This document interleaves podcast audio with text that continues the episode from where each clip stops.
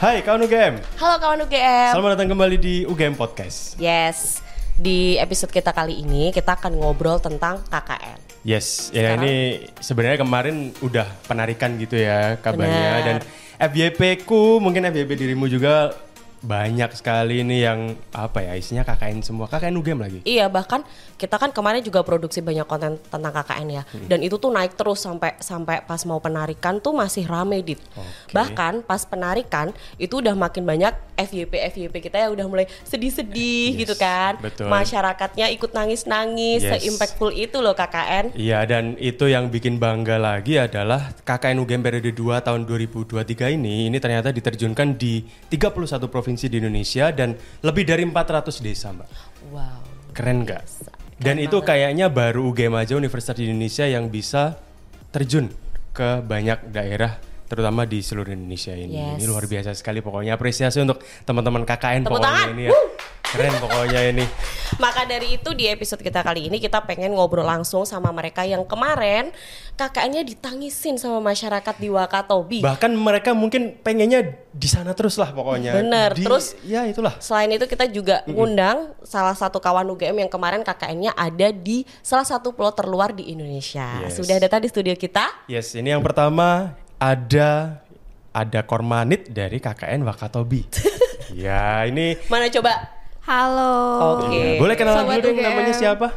Uh, aku Hana, kormanitnya di tim Warnai Wakatobi. Oke, Warnai yang Wakatobi kemarin ya. yang kemarin ini ya rame banget pada di itu kan. Oh, yang naik kapal itu ya? Iya. Iya. Terus satunya dari Halo Sobat UGM, perkenalkan aku Kozi Ilyas Azal Majeti, bisa dipanggil Kozi, aku dari Kormanit di tim Nuansa Natuna. Ya, Oh, jadi yang Natuna. satu dari Wakatobi, yang satu dari Natuna. Ini yang pulau terluar berarti yang Natuna ya?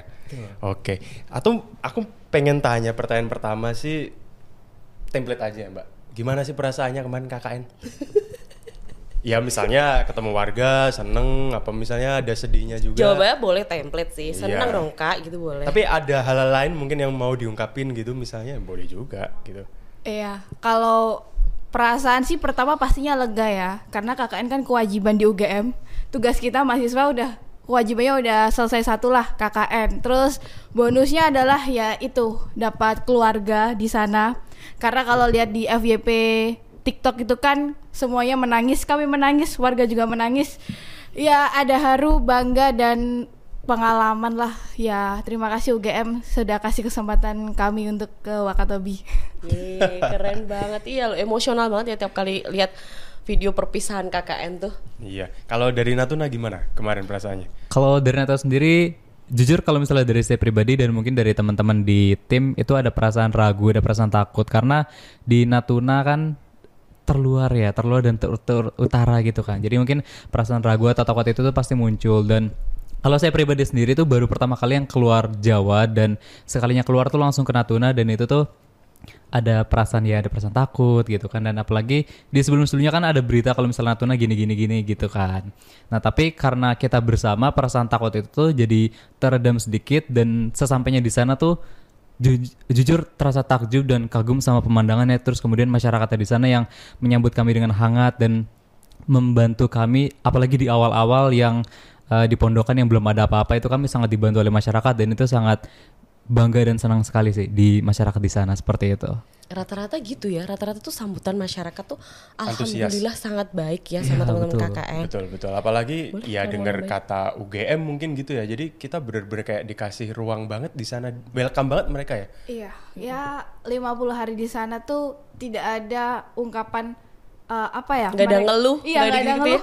Dari masyarakat pun sangat eh, suportif, kooperatif sekali sama kita yang ya kita orang Jawa yang di sini serba ada apa, di sana nggak nggak selengkap di sini. Mereka berusaha untuk eh, memenuhi kebutuhan kita juga dan kita juga berusaha buat adaptasi dengan sana. Ya masyarakat Wakatobi emang keren sekali terutama di desa Sombano dan Mantigola keren Cie. Kangen besok kayaknya balik lagi ke sana ini. Amin, aku doain. Terus eh, buat yang di Natuna kan tadi kamu cerita ya awal-awal kamu tuh ragu gitu. Terus pertama kali juga kamu keluar dari Pulau Jawa. Kenapa sih milih Natuna? Kenapa nggak di Kudus apa di mana? Apa mungkin di Melati gitu? misalnya iya, deket sini gitu benar. kan deket tahu gitu. Iya, baik. Eh, kenapa sih milih di Natuna? Sebenarnya itu banyak faktor. Karena dari saya pribadi kan saya pengusul dan saya membentuk tim dengan beberapa orang. Itu kami kan eh, kayak berencana mau kakaknya di mana nih, mau kakaknya di mana nih gitu kan. Kayak periode 2 itu kan periode yang kakaknya tuh banyak banget keluar dan pengen pengen ke timur lah, pengen ke utara, pengen ke barat gitu-gitu kan. Nah, terus dari tim kami diskusi dah tuh kita pengen ke mana nih. Terus nemulah Natuna dan kita tahu waktu itu pemerintahnya tuh lagi mengangkat-ngangkatnya geopark yang ada di sana, terutama di Batu Kasah yang ada di Desa Cemaga Tengah sama Pulau Akar yang ada di desa, di Desa Cemaga. Nah dari situlah kita tuh kayak penasaran, bet geopark Batu Kasah itu apa sih gitu kan? Maksudnya model pariwisatanya itu seperti apa gitu kan? Kami penasaran dan akhirnya kami merekrut, beberapa eh, anggota dari pariwisata, terutama di bisnis perjalanan pariwisata, dan kami mencoba untuk mengusung proposal seperti itu dan arahnya ke Natuna seperti itu. Oke, berarti program unggulannya yang Geopark itu tadi ya yang diusulkan. ya? betul. Oke. Kebetulan kamu dari fakultas? Kalau saya pribadi fakultas teknik di teknik geodesi yang fokusnya di pemetaan. Oh iya, mungkin ada irisan juga ya pas mungkin gitu ya dengan jurusannya. Kalau Wakatobi, kenapa milih Wakatobi dan mungkin program unggulannya apa sih kalau di Wakatobi itu? Iya, kalau program unggulan hampir sama-sama Natuna kita fokusnya di pariwisata karena kita tahu eh, mungkin sobat UGM juga tahu bagaimana Wakatobi itu eh, the marine heritage jadi dia surganya bawah laut. Nah, sampai setelah Covid ini tuh Wakatobi itu belum bisa untuk kembali eh, menerima tamu lagi karena dampak Covid itu. Nah, makanya kita mulai coba mengenalkan Wakatobi lagi dari pariwisatanya dan ya alhamdulillah berhasil FYP itu. Ya semoga setelah ini banyak juga yang hadir ke Wakatobi. Seindah itu. Amin. Emang kalau ngomongin tentang keindahan laut Indonesia Timur ya, saya nggak ada lawan gitu kayaknya. Bener-bener indah Yes, banget. Betul. Kalau bicara soal KKN pasti ada kesulitan, ada hambatan selama mungkin perjalanan ke sana, bahkan mungkin selama di sana. Kalau di Natuna apa eh, hambatannya selama KKN sih di sana? Kesulitannya apa? Oke baik untuk hambatan mungkin kalau misalnya ketika keberangkatan alhamdulillah dari tim kami itu lancar naik dari naik pesawat dari Jakarta ke Batam Batam ke Natuna itu alhamdulillah lancar yang kemudian di sana tuh langsung disambut sama eh, camatnya dari saya di Camat Bunguran Selatan terus disambut sama beberapa kadesnya juga dan langsung dibawa ke lokasi dan kalau misalnya untuk seperti infrastruktur mungkin ya kalau misalnya di Bunguran Selatan terutama di Cemaga sama Cemaga Tengah itu infrastruktur seperti jalannya itu udah cukup bagus aspalnya itu udah rapi gitu jadi untuk urusan transportasi itu nggak menjadi hambatan untuk kami mungkin yang menjadi hambatannya adalah ada sedikit budaya di sana yang dari kami tuh agak Berbeda gitu. bingung manajemennya. Contohnya kalau misalnya waktu awal-awal di sana tuh kami tuh bingung untuk sarapan gitu. Bingung untuk sarapan karena di sana tuh masyarakat tuh nggak ada yang eh, menyajikan kayak warteg atau apa gitu kan, nggak ada yang warmindo di sini gitu. Kayak Terus yang apa? Nah, jadi kami tuh kesilu ha- waktu awal-awal tuh agak kesulitan untuk sarapan. Jadi sarapannya tuh cuman mereka tuh ada jual yang namanya kue basah. Nah, kue basah yang bentuknya mirip, mirip kayak croissant, mirip croissant terus ada selainya gitu dan Ih, itu tuh yang ya? iya, kayak bentuknya tuh kayak kayak kerang kayak dililit-lilit gitu kayak roti gitu. Nah, terus itu yang sering kami beli. Terus di situ ada donat gula juga. Terus yang paling unik adalah di situ ada pastel. Nah, kami pikir kan pastelnya tuh kayak yang ada di Jogja kan, pastel sayur atau pastel apa. Tapi ternyata di sana tuh adanya tuh pastel yang isinya tuh ikan tongkol gitu. Jadi itu hal kayak yang kayak ini kayak panada gitu kalau di Iya, Indonesia Timur. kurang lebih. Berarti selain geopark juga kuliner. gitu. Ya, kuliner bisa dikulik juga sebetulnya ya. Oke, Oke. terus selain itu ya paling shock culture aja ya awal-awal ya. Kalau listrik gitu-gitu aman kan? Nah, uniknya adalah waktu kami awal-awal nyampe di Natuna itu mereka punya tiga mesin PLN, tetapi pas kami di pertengahan bulan Juli itu tiga mesin itu rusak. Jadi sempat ada badai dan tiga mesin, dua mesin dari tiga mesin itu rusak sehingga terjadi pemadaman secara berkala di masing-masing desa. Nah, kebetulan di desa Cemaga sama Cemaga Tengah itu terkena dampaknya. Awalnya tuh satu hari tuh mati itu cuma tiga jam, tapi lama kelamaan sampai kami akhir KKN itu hidupnya cuma tiga jam lampunya. Jadi kayak kebalikannya ya berarti. cukup cukup terkendala di situ. Jadi eh, kami yang cenderung membutuhkan elektronik berupa laptop, kemudian eh, sinyal internet gitu-gitu juga itu menjadi hambatan yang muncul pas pertengahan sampai akhir. Tapi dengan kayak gitu ya kami jadi apa namanya memanajemen itu dengan baik bagaimana mengoptimalisasi ketika ada listrik kita langsung menggunakannya dan melakukan proker ke baik itu sekolah masyarakat dan lain-lain seperti itu Keren. Oke, oke. Keren, Jadi keren. jadi ini ya KKN juga bikin kita untuk bagaimana caranya cepat adaptif seperti masyarakat Yes. sana ya. Betul. Betul. Kalau Wakatobi sendiri gimana? Sama, masalah listrik itu kita ada di dua desa, Mantigola Makmur dan Sombano. Yang Mantigola Makmur tuh udah ada PLN. Di Sombano itu belum masuk PLN. Jadi listrik di sana 100% pakai tenaga surya. Kalau hujan kita selama kakak sudah dua pernah merasakan dua hari tanpa listrik karena hujan cuacanya. Kalau di Matigola itu alhamdulillah ada listrik tapi hanya di malam hari. Jadi dari jam 4 sore sampai jam 6 pagi. Siangnya kita sama sekali nggak ada listrik. Nah yang di Sombano ini yang cukup butuh adaptif sekali karena dia tidak ada listrik PLN, adanya tenaga surya dan satu rumah itu hanya dikasih kuota 250 watt. Di mana kalau kita cas handphone itu langsung mati listriknya Oh gitu. satu rumah. Terus kalau malam? Ah, la- kan itu hanya untuk lampu. Ya itu paling bisa hanya untuk lampu. Ya Satu rumah tapi bisa nyala. iya, untuk 250 watt untuk lampu semalam masih cukup lah. Terus kalian sehari ngerjain proker gimana kalau nggak ada laptop bahkan listrik untuk ngecas pun nggak bisa? Iya, itu tantangannya sama kita. Jadi ya ternyata bisa loh kita 50 hari tidak megang gadget full kegiatan di sana gitu. Walaupun memang ada tuntutan dari kampus kita harus laporan, presensi. Nah, itu uh, kami akali ya kami harus adaptif, kami harus pergi ke kota untuk bisa presensi dan juga melaporkan program. Jauh jaraknya dari tempat kakak ke kota. Ya dekat sih karena tidak ada lampu merah. Tapi jauh Iya, benar, jaraknya. benar, jaraknya benar. jauh tapi hanya sekitar 20 menit dari desa. Ya jadi 20 menit di sana tuh nggak ada lampu merah kan? Iya benar ngerti aku. Betul betul. Ya ampun, ini nanti harus dipoto jadi teaser, harus FYP biar, biar semua orang tahu 2023 tuh nggak semuanya bisa menikmati listrik ternyata ya. Dan ini juga ya salah satu tantangan juga sebetulnya untuk mahasiswa KKN mungkin bisa menyalurkan aspirasi masyarakat ke pusat misalnya itu juga mungkin bisa juga ya. Betul betul. Dan eh, yang paling eh, apa? Yang paling menurut kami sangat eh, baru sekali adalah tidak ada jaringan sama sekali. Itu Jadi- bisa sampai berhari-hari ya. I- itu tidak ada. Tidak ada sama Dari sekali dulu berarti? sampai Sekali. sekarang pun Nggak eh, ada silang berarti. Iya, eh, iya, tidak ada layanan kalau di handphone itu nyalanya. Oh.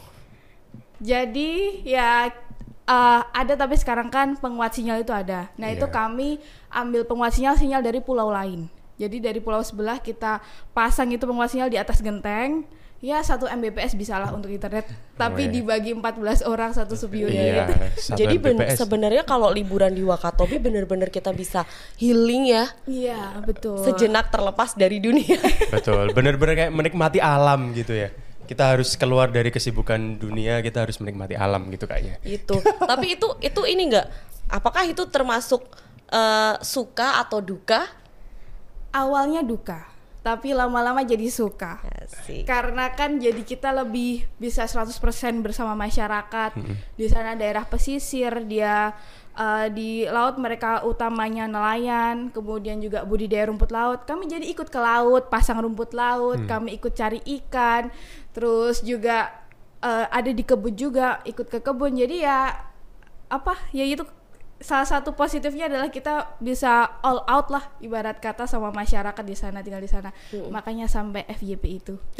Makanya sampai pada nangis-nangis ya. Iya. Dan ini pelajaran juga sih buat eh, kita ya. Jadi as- artinya terkoneksi manusia ke manusia tuh ternyata jauh lebih menyenangkan kan Iya. daripada sama internet Betul. gitu. Oke. Kalau bicara kakaknya kamu dulu deh. Aku cuma mau nanya di Nah. Natuna. Itu kan tadi eh, termasuk duka apa suka? Pertanyaanku sama. Ya, nggak bisa sarapan tadi itu kan maksudnya. Eh, atau awalnya duka juga, terus Lama-lama jadi suka suka gitu. juga gitu. Well, kalau misalnya perihal sarapan, sebenarnya iya balik lagi sih itu, itu kita kan kita kan butuh sarapan ya, kita butuh sarapan untuk ngeproker gitu kan. Kadang kita tuh baru bisa makan siang, kita tuh harus ke desa sebelah. Jadi kalau misalnya di tim saya di desa Cemaga itu tuh literally nggak ada uh, kayak nasi yang jual nasi gitu kan, tapi di desa Cemaga itu ada. Nah jadi kalau misalnya tapi itu pun baru buka tuh agak siang, jadi kita kadang tuh waktu awal-awal baru bisa makan pas siang gitu kan. Jadi memang awalnya sih duka ya, takut takut pada kena sakit perut atau apa mah gitu-gitu kan. Tapi akhirnya tuh eh, setelah setelah beberapa lama itu kami diberikan kompor sama warga, terus diberikan minyak juga sama warga minyak tanah. Jadi akhirnya untung di tim kami tuh ada yang bisa masak. Akhirnya yaudah kita masak rame-rame gitu kan, masak nasi di malam hari, kemudian eh, pagi harinya bikin nasi goreng gitu kan menggunakan nasi yang kemarin. Oh, Tapi jadi lebih enak intinya kemarin sih. sama. Mereka tetap akhirnya bisa menyesuaikan dengan keadaan dan mencari solusi. Dit. Betul. Tapi kalau boleh cerita pengalaman yang paling tidak dilupakan sampai sekarang apa? Mungkin Natuna dulu deh. Kalau Mungkin pengal- kalian cinlok apa gitu. itu hal biasa kayaknya di KKN ya. Tapi ada nggak sih yang itu paling diinget sampai sekarang?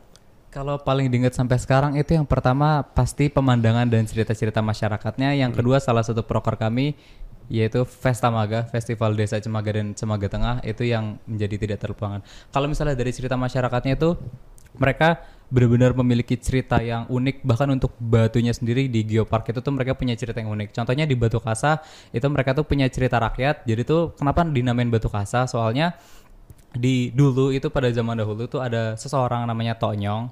Nah, jadi Tonyong itu tuh eh, ingin berkebun ke di wilayah baratnya Natuna. Nah, tetapi eh, dia tuh mengasah parangnya dulu di Batu Kasa itu. Nah, akhirnya tuh dinamain Batu Kasa. Jadi kalau misalnya mungkin mungkin kalau misalnya sobat game lihat di YouTube atau mungkin di eh, Instagram Nuansa Natuna, di situ tuh ada gambar Batu Kasa yang agak menjerok ke laut dan itu emang bentuknya tuh kayak asahan pisau. Jadi itu yang namanya dinamakan Batu Kasa seperti itu. Dan di sana tuh lautnya tuh cenderung tenang. Kami yang biasanya di Jogja melihat pantai selatan yang gelombangnya lumayan tinggi di sana tuh bener-bener tenang sehingga tuh healing di sana healing di batu tuh kayak nyaman tenang banget seperti itu terus selain itu juga eh, dari cerita sama pemandangannya tuh juga dari tadi Proker Festamaga Proker Festamaga tuh puncak dari acara tim kami Nuansa Natuna. Jadi di Festamaga itu kami melakukan implementasi praktik dari program kerja yang udah kami laksanakan seperti pembuatan cindera mata terus eh, pembuatan paket wisata dan lain-lain di situ.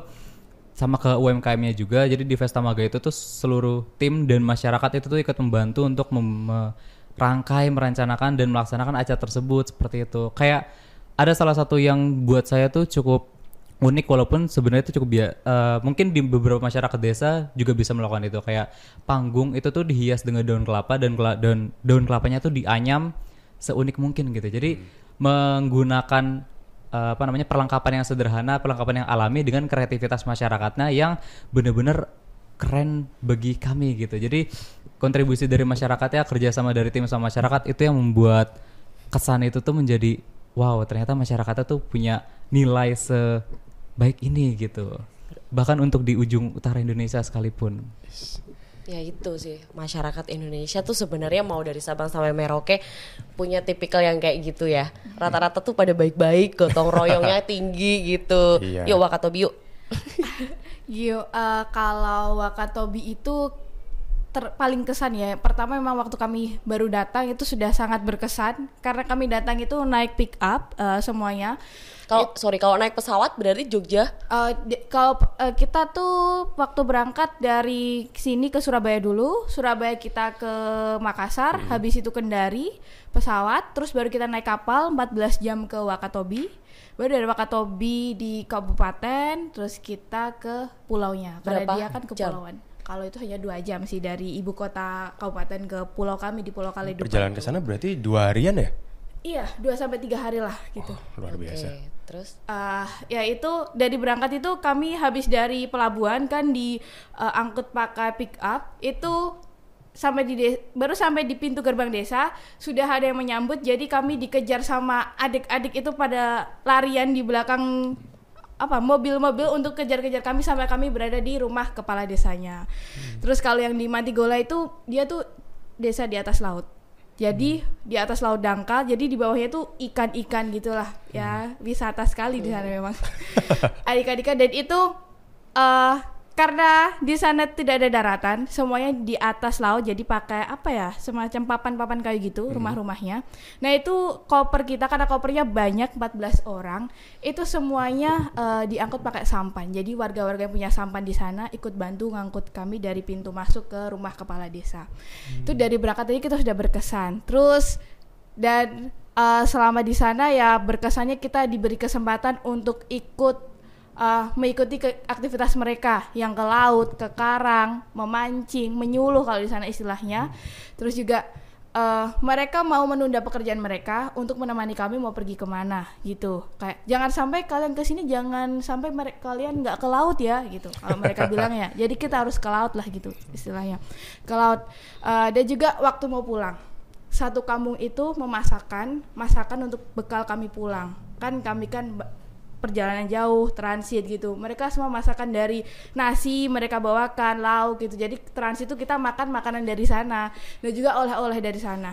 Nah itu ya cukup mes karena mereka mau itu buatin oleh-oleh untuk kami pulang. Jadi koper kami itu yang Wakatobi itu sampai sini tuh ndak ada bajunya. Isinya makanan semuanya buatan warga. Yolo, keren. Apa ma- makanannya di sana ikan kah? Ah, i- kalau ikan ya kita dibawakan ikan asin itu kita coba kasih kopi lah biar nanti di bandara nggak di stop Iya, ya. benar, jadi kita benar. kasih kopi itu ikan-ikan asin terus juga makan di sana seperti baruas. Terus habis itu ada juga eh apa itu kacang sembunyi. Itu makanan khas Sulawesi Tenggara sana. Terus kemudian juga ada eh kerasi. Kerasi itu dari santan eh, rasanya manis eh, dan dia digoreng gitu. Terus kemudian ada juga kacang sembunyi ada pastel. Pastel di sana tuh bukan pastel seperti kita yang isinya mungkin tadi yang disampaikan sama teman dari Natuna tapi di sana tuh cemilan kecil-kecil manis isinya kacang sama gula. Nah itu. Terus juga nah ubi. Ubi di sana itu beda sama ubi di sini. Ubi di sana itu istilahnya kano. Nah itu salah satu makanan yang kami sekali makan semuanya langsung perutnya sakit. Karena nggak sesuai sama eh, ya mungkin kita belum Perut- terbiasa perut orang. Oh, ya, Iya. belum terbiasa Iya, mungkin ya. karena dia itu ada getahnya di dagingnya itu. Nah, itu mereka bawakan juga digoreng crisp, digoreng gitulah. Nah, terus sama Nah, pengganti berarti yang nasi. berkesan sama kulinernya juga. Iya, pengganti nasinya itu mereka kaswami namanya. Kaswami, bukan suami istri ya, tapi kaswami. Suami ya. Suami. betul. Apa itu? Itu dia olahannya dari ubi kano itu tanpa apa-apa cuman direbus eh, dikukus habis itu pengganti nasi. Jadi mereka makan ikan tuh pakai ubi itu. Namanya. Oke. Setelah kita berbicara tentang hal-hal yang berkesan dan didominasi oleh kuliner Nusantara, Iya. ke pertanyaan selanjutnya mungkin eh, yang kamu dapat nih pelajaran yang kamu dapat secara personal dari KKN di tempat kalian masing-masing apa? Boleh silahkan salah satu. Natuna dulu deh. Dulu yo. Oke baik. Kalau misalnya pelajaran yang paling berkesan, yang pertama sih dari masyarakatnya ya. Betul kayak yang dibilang teman dari Wakatobi. Kalau misalnya masyarakat di luar sana tuh, terutama yang di desa itu tuh seneng banget sama kedatangan orang luar dan mereka tuh selalu ingin mengajak kita tuh untuk ayo gabung, ayo gabung gitu kan. Ayo bikin ini, ayo bikin itu, ayo bakar ikan, bakar ikan gitu kan. Ayo nyari kepiting gitu-gitu. Jadi yang kami dapat dari sana tuh yang pertama udah pasti kekeluargaan di sana. Walaupun itu desa tetapi kalau ke kekeluargaan itu tuh seerat itu gitu. Jadi eh, ketika ada kegiatan mereka tuh pasti sama-sama. Terus ketika ada masalah di desa mereka tuh pasti sama-sama gitu. Nggak cuman perangkat desanya aja tapi benar-benar sampai ke masyarakatnya sampai ke pemuda-pemudinya sana itu tuh turut bantu untuk eh, menyelesaikan hal tersebut gitu. Jadi kekeluargaan di sana tuh yang kami dapat wah cukup erat gitu kan. Dan itu juga yang membuat dari tim kami tuh merasakan kekeluargaan yang sama gitu, baik itu dari tim internal maupun sampai ke masyarakatnya. Makanya pas kita pulang ya ada haru Emosional ada, ya. Iya. Ada Iya, haru, bener. ada Kayak suka mikir gak sih kapan lagi gitu sampai situ gitu. Ya, Iya, mungkin betul. nggak akan terulang juga gitu ketemu dengan masyarakat yang bisa, Bisa berinteraksi. sih, tapi pasti keadaannya beda ya. Keadaannya beda juga gitu loh. Betul. Kalau dari Wakatobi, Ya, sama sih kekeluargaan apalagi eh, mungkin menemukan yang benar-benar manusia dalam arti mereka kan belum eh, apa ya internet mereka belum ada akses. Jadi ya orang-orang tulus ada di sana semuanya menurut saya. Ya, itu benar-benar mereka tulus. Dan eh, kami kan adalah sakit gitu. Misalkan masuk rumah sakit kita di puskesmas gitu. Itu hanya baru satu malam satu kampung itu langsung datang paginya ma- malam itu eh, masuk rumah sakit padahal pulang nggak sampai kita opname itu pagi itu pondokan isinya semuanya warga. Nanyakan gimana sakitnya? Apa? Ada apa? nengokin? begitu. Iya semuanya. Karena eh, seperhatian itu dengan kami. Dan ada istilah juga di sana kalau sakit itu selain juga medis ada juga eh, yang apa ya adatnya di sana kalau non-medis medis lah itu ya. non medis itu istilahnya ditiup gitu. Jadi ada beberapa juga eh, pengalaman kami teman-teman itu ditiup dan ternyata lebih ampuh daripada medis. Atau mungkin baru kesan pertama ya. Iya. Gitu. Iya. Ah, gitu. Begitu. Jadi eh, ini dari penjelasan kalian tadi besok sampai besok-besok kalian harus ingat ya. Aku juga jadi jadi merasa seperti tersadar bahwa kadang tuh bukan kita yang capek karena kita sendiri tapi kita tuh kadang terlalu cepat berlari ya. Ada orang-orang yang masih banyak tulus, penuh Yes. cinta gitu Betul. loh. Dan aku juga berpikiran gini, mungkin di video-video kita lihat uh, indah-indah semua gitu ya, tapi mungkin dari cerita ini kita bisa tahu ternyata uh, untuk bisa mendapatkan hal yang indah itu perlu perjuangan seperti teman-teman KKN kita ini, baik di Tepuk tangan, Natuna tepuk tangan. maupun di Wakatobi ini. Ini satu hal yang luar biasa yang bisa aku petik dari podcast hari ini tuh itu. Jadi cucok. ada pengorbanan tim KKN, ada pengorbanan juga warga di sana mungkin yang uh, rela menyambut teman-teman semua, bahkan sampai nengokin loh ketika mereka Iya. sakit. Itu satu hal yang perlu diapresiasi juga sih. Betul. KKN UGM keren, warga-warga yang dikunjungi juga keren pokoknya. Yes. Kalau boleh kasih dong pesan untuk kawan UGM mungkin yang tahun depan mau KKN atau mau Iya, yang bener. memilih lokasi KKN misalnya. Kemarin kan rame-rame tuh pada banding-bandingin kampus kita KKN biar Iya. pada semangat KKN. Mungkin tahun depan ada bangga senggol-senggolan gitu. Yang ta- Iya. tahun ini kan nyenggol-nyenggolin PPSMB misalnya, tahun depan nyenggol KKN. Dari Natuna misalnya gimana? Pesan untuk kawan UGM. Oke, mungkin pesan untuk kawan UGM adalah eh, buat sobat UGM jangan takut untuk pergi keluar, jangan takut untuk menjumpai dunia luar, jangan takut untuk ke desa. Desa itu tidak seburuk itu, bahkan yang terluar pun tidak seburuk itu gitu. Jadi jangan takut untuk keluar karena sejauh apa pun kita pergi, sejauh apa pun kalian pergi, itu pasti kalian akan mendapatkan satu rumah, minimal satu rumah untuk membuat kenangan yang benar-benar tidak bisa dilupakan. Jadi beranilah untuk keluar, beranilah untuk melihat dunia, untuk melihat budaya yang ada di luar kita. Uh, mantep. banget sih. Emang. Terus kamu dong. Wakatobi. Kalau dari eh, dari kami tim Wakatobi untuk pesan untuk semuanya KKN di mana pun itu sama aja. Mungkin banyak juga eh, sobat UGM yang berbondong-bondong ingin keluar Jawa. Sebenarnya itu sama di luar Jawa pun di Jawa. Eh, yang penting KKN itu kita kan PPM itu pembelajaran pemberdayaan. Nah, it- di situlah kita mengabdi. Apa pun yang kita lakukan itu niatnya baik mengabdi pasti akan dapat feedback yang baik juga. Itu yang pasti. Dan eh, kalau yang mau keluar Jawa ya tolong siapkan program kerja yang ampuh ya untuk DBKM ACC program proker kalian. Oke, baik. Terima kasih Wakatobi dan Natuna sudah sharing bareng kita. Eh, ay- aku tanya terakhir boleh nggak? Boleh. Setelah sampai Jogja apa perasaan kalian? Iya iya pertama kali kan pasti terus habis gitu habis Mesti- ramean barengan terus di kos atau di rumah sendiri Kayak sepi gitu. gitu ya. Flashback Allah, flashback kangen sedih gitu. gitu gak? Natuna Jujur. apa ya? Jujur gagal move on. Kamu gimana? Sama-sama. Apalagi Pasti gak bisa langsung lupakan. Iya ya, apalagi sampai sekarang kita masih sering di video call Ya sama ampun warga. so sweet. Iya dulu waktu aku KKN juga Iya, gitu. iya. Kayak mereka tuh gak bisa langsung putus gitu kan sama kita. Betul. Bener. Betul. Ya itu mungkin bisa jadi momen yang tidak terlupakan untuk mereka ya. Bahkan untuk teman-teman KKN lainnya yang mungkin sama seperti uh, Sama, aku teman-teman yakin Natuna pasti sama sama. Wakatobi pasti akan sama kesannya sih. Yes, Yes. begitulah. Terima kasih sekali lagi ya. Terima kasih untuk waktunya, terima kasih untuk sharing-sharingnya dari teman-teman dari Natuna dan Wakatobi. Yes. Dan Jangan lupa istirahat untuk teman-teman KKN yang baru tiba mungkin dari uh, tempat KKN-nya dan baru tiba di Jogja. Jaga kesehatan, kuliah sudah mulai lagi gitu ya. Pokoknya harus tetap semangat, jaga mood, jangan lupa berdoa. asik. Dan untuk yang mau KKN, eh, ingat ya KKN itu adalah salah satu mata kuliah yang sangat menyenangkan. Jadi kalian harus bangga jadi anak UGM karena bisa KKN, betul? Betul sekali. Dan kalau dirasa podcast hari ini bermanfaat untuk semuanya dan bisa berdampak untuk masyarakat luas, jangan lupa untuk subscribe dan juga like supaya kita bisa makin semangat bikin konten podcast lagi ya. Terima kasih. Dan sampai jumpa di edisi podcast berikutnya. Bye bye.